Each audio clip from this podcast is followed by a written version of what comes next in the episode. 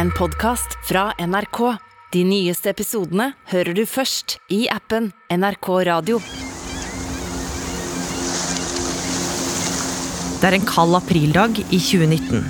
Det er skyfri himmel, og en fiskebåt kjører rolig på det kalde vannet utafor Ingøy i Finnmark. Under den mørke havoverflata kan fiskerne plutselig skimte en hvit skapning som svømmer i takt med båten. En hvithval.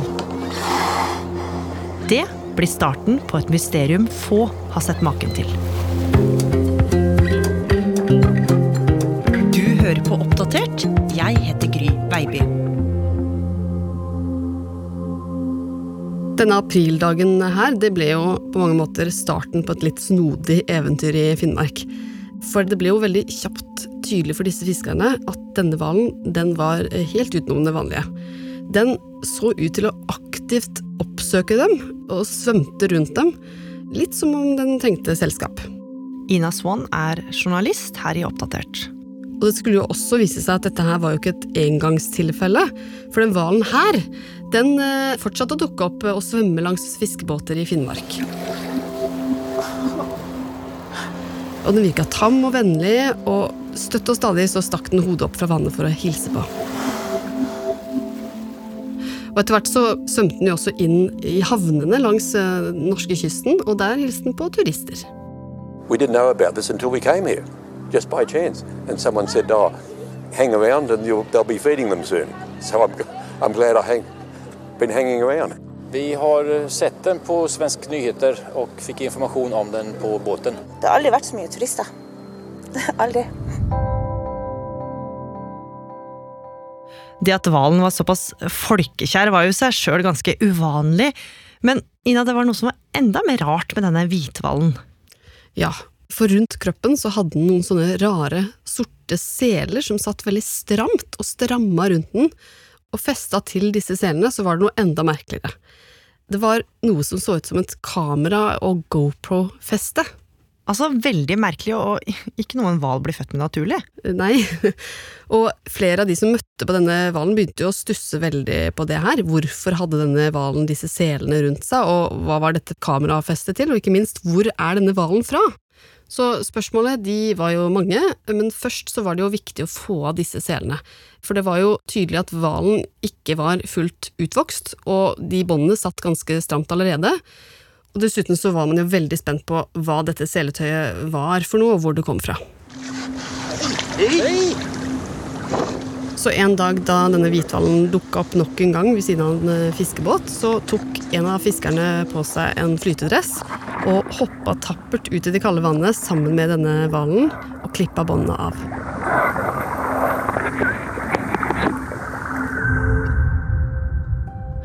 Og da de tok en nærmere titt på disse båndene, så oppdaga de noe som skulle sette i gang et ellevilt spekulasjonssirkus om historien til denne hvalen. For på båndene så sto det 'Equipment St. Petersburg', altså utstyr St. Petersburg. Og det satte i gang en flom av rykter. Var det en russisk hval? Var seletøyet en form for overvåkning fra Russland og Putin? Kunne hvalen tilhøre den russiske marinen eller forsvaret? Og kunne denne hvithvalen rett og slett være en trussel mot norsk sikkerhet? Men det fantes jo noen kritiske stemmer oppi det hele som mente at ryktene og spekulasjonene de var overdrevne. Ja. Den mest eh, sannsynlige teorien, mente mange, det var at dette var en forskningshval som hadde rømt fra et eller annet eh, forskningsanlegg eh, i Russland. Men det ble ganske fort avkrefta. Nei, Jeg har aldri noensinne sett noen eh, drive med forskning på den måten. Altså, vi, det er jo flere kolleger her som setter satellittmerker på bl.a. på hvithval, men eh, de bruker ikke den der typen av, eh, av utstyr. I tillegg så hadde jo noen forskere her i Norge snakka med noen forskere i Russland som fortalte at det å putte GoPro-seletøy på en hvithval, det var ikke noe de holdt på med. Men det var jo andre teorier også. Ja, andre mente jo at dette like gjerne kunne være en hval som hadde flykta fra en slags dyrehage i Russland. I tillegg så er jo St. Petersburg også en by i Florida i USA, så det trengte ikke nødvendigvis være en russisk hval, dette her. Så for å undersøke dette nærmere, så ble seletøyet sendt til politiet og PST for nærmere undersøkelser. Og mens sikkerhetstjenesten og andre forskere jobba med å finne ut hvor denne hvalen egentlig kom fra, og hva den egentlig gjorde langs Finnmarkskysten, så fortsatte hvalen å oppsøke finnmarkinger og turister som nå hadde fått nyss om den hvite og menneskeglade hvalen. Det ble jo fort eh, tydelig at i tillegg til å være ganske selskapssyk, så var denne hvalen eh, Altså, den hadde noen egenskaper som var ganske spesielle. Den kunne underholde. Den svømte helt opp til folk, den lot seg bli klappa, trikset til og med gjorde den også, den snurra rundt i vannet og mye, mye mer. Flink! Yeah! I dag fikk Erna Solberg møte Valdimir i Hammerfest. Nei, altså Det er en fantastisk opplevelse. Du ser jo at den er vant til folk. Og selvfølgelig sikkert en trist historie bak at han har havnet her, men jeg tror eh, det Hammerfest gjør her, er jo å ta vare på han på en god måte. Men det var spesielt én hendelse som rett og slett skulle gjøre denne hvalen til en internasjonal superstjerne. Noen unge voksne de møtte på hvalen ved en brygge, og mens de drev og tok bilder og videoer av den, så mista den ene jenta der mobilen, iPhonen sin, i vannet. Og det er jo selvfølgelig kjipt. Eh, folk flest ville jo tenkt søren, det var den telefonen. Men så skjer det noe helt utrolig. Er det, er det fette kødd? Oh my god! For opp kommer altså denne hvite hvalen fra dypet med iPhonen i munnen. Den løfter hodet over vann og leverer telefonen pent tilbake i hånda hennes, til alles begeistring. Og det her fikk en av de andre på film, og den videoen den spredte seg i sosiale medier, og endte også opp på talkshowet til Ellen DeGeneres. This is unbelievable. This whale goes to get her phone and brings her phone back to her.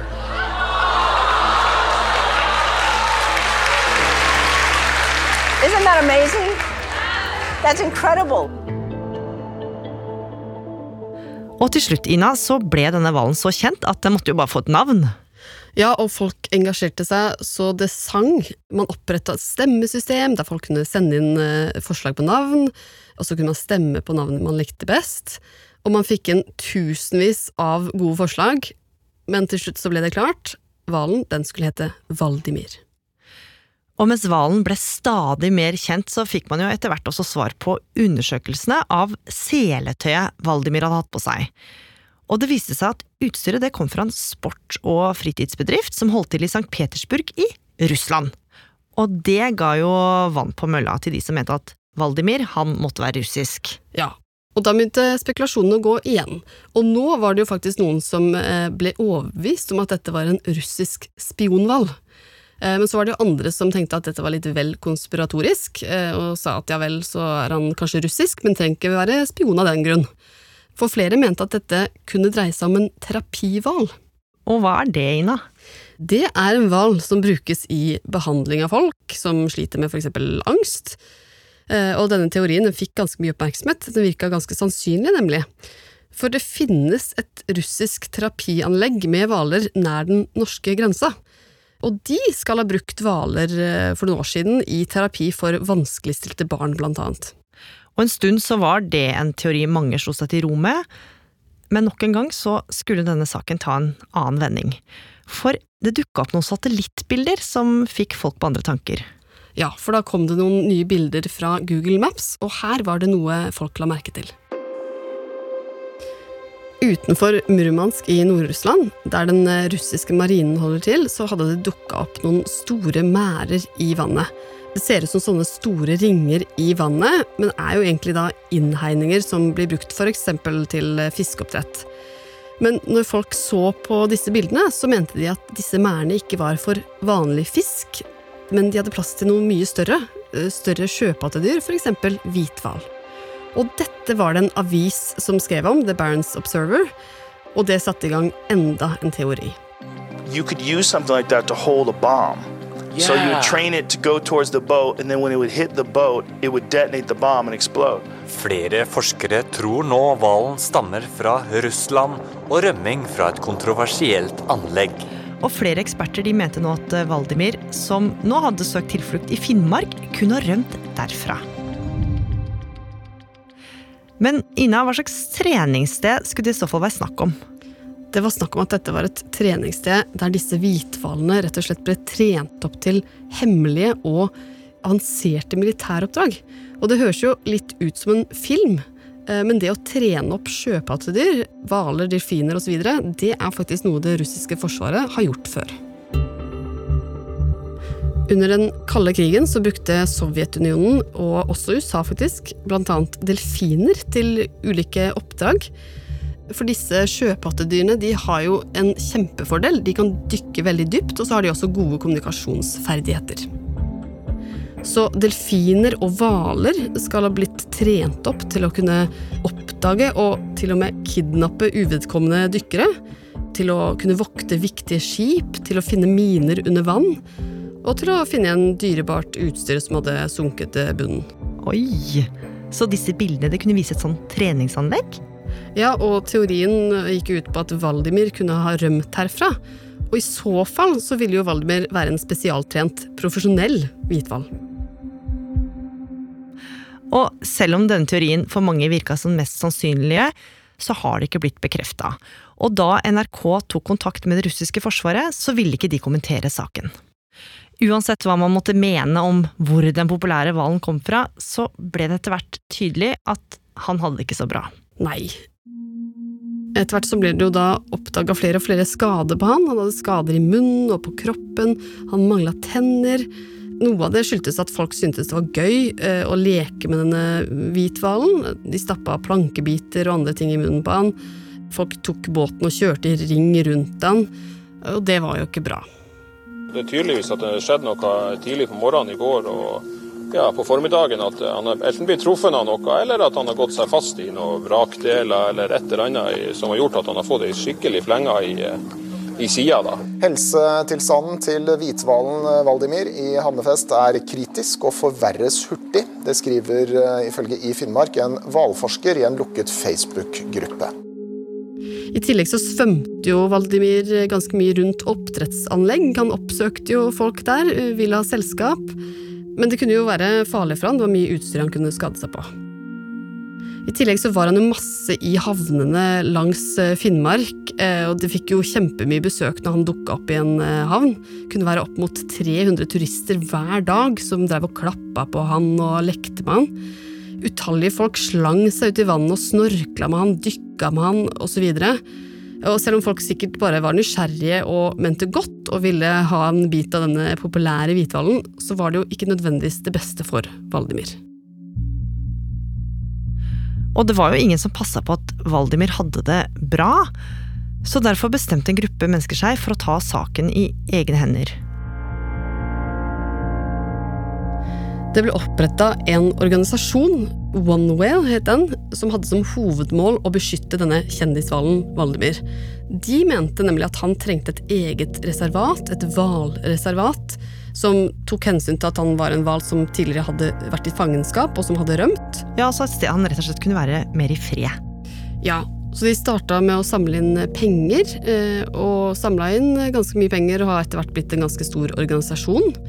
Og nå, i det siste, så har de jo samarbeida med Hammerfest kommune.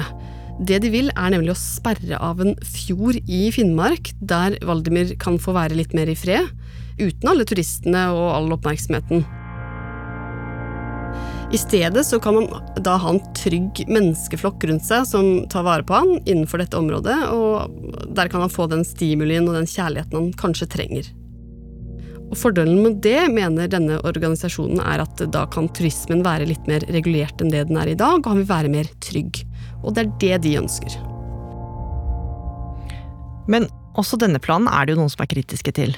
ja, mange har jo tatt til orde for at han klarer seg fint uh, alene. Han uh, har jo klart seg, han har fått tak i mat, selv om han har blitt mata en del. Og at det rett og slett vil være verre for han å bli sperra inne i et reservat på denne måten. Og så er det jo noen som også er redde for at han på den måten vil bli mer en slags sirkushest, uh, fordi han vil være skjerma og kun ville oppholde seg i dette ene området. Og Fiskeridirektoratet har jo også sagt at de mener at han klarer seg fint uten et reservat, og det har han gjort i tre år. Så foreløpig er jo da sagaen om Valdimir ikke over. Han svømmer der han selv vil, og så får vi jo bare se hvor han ender opp, da, Ina. Ja, og det er ikke godt å si hvor det blir, eh, men uansett så er dette en utrolig historie om en helt unik hval. Det er jo fortsatt eh, ubesvarte spørsmål om hvem han er og hvor han egentlig kommer fra. Og det tror jeg nok at folk vil fortsette å nøste opp i. Og i mellomtida så vil nok Valdimir fortsette å svømme rundt og sjarmere Norge og også verden i senk.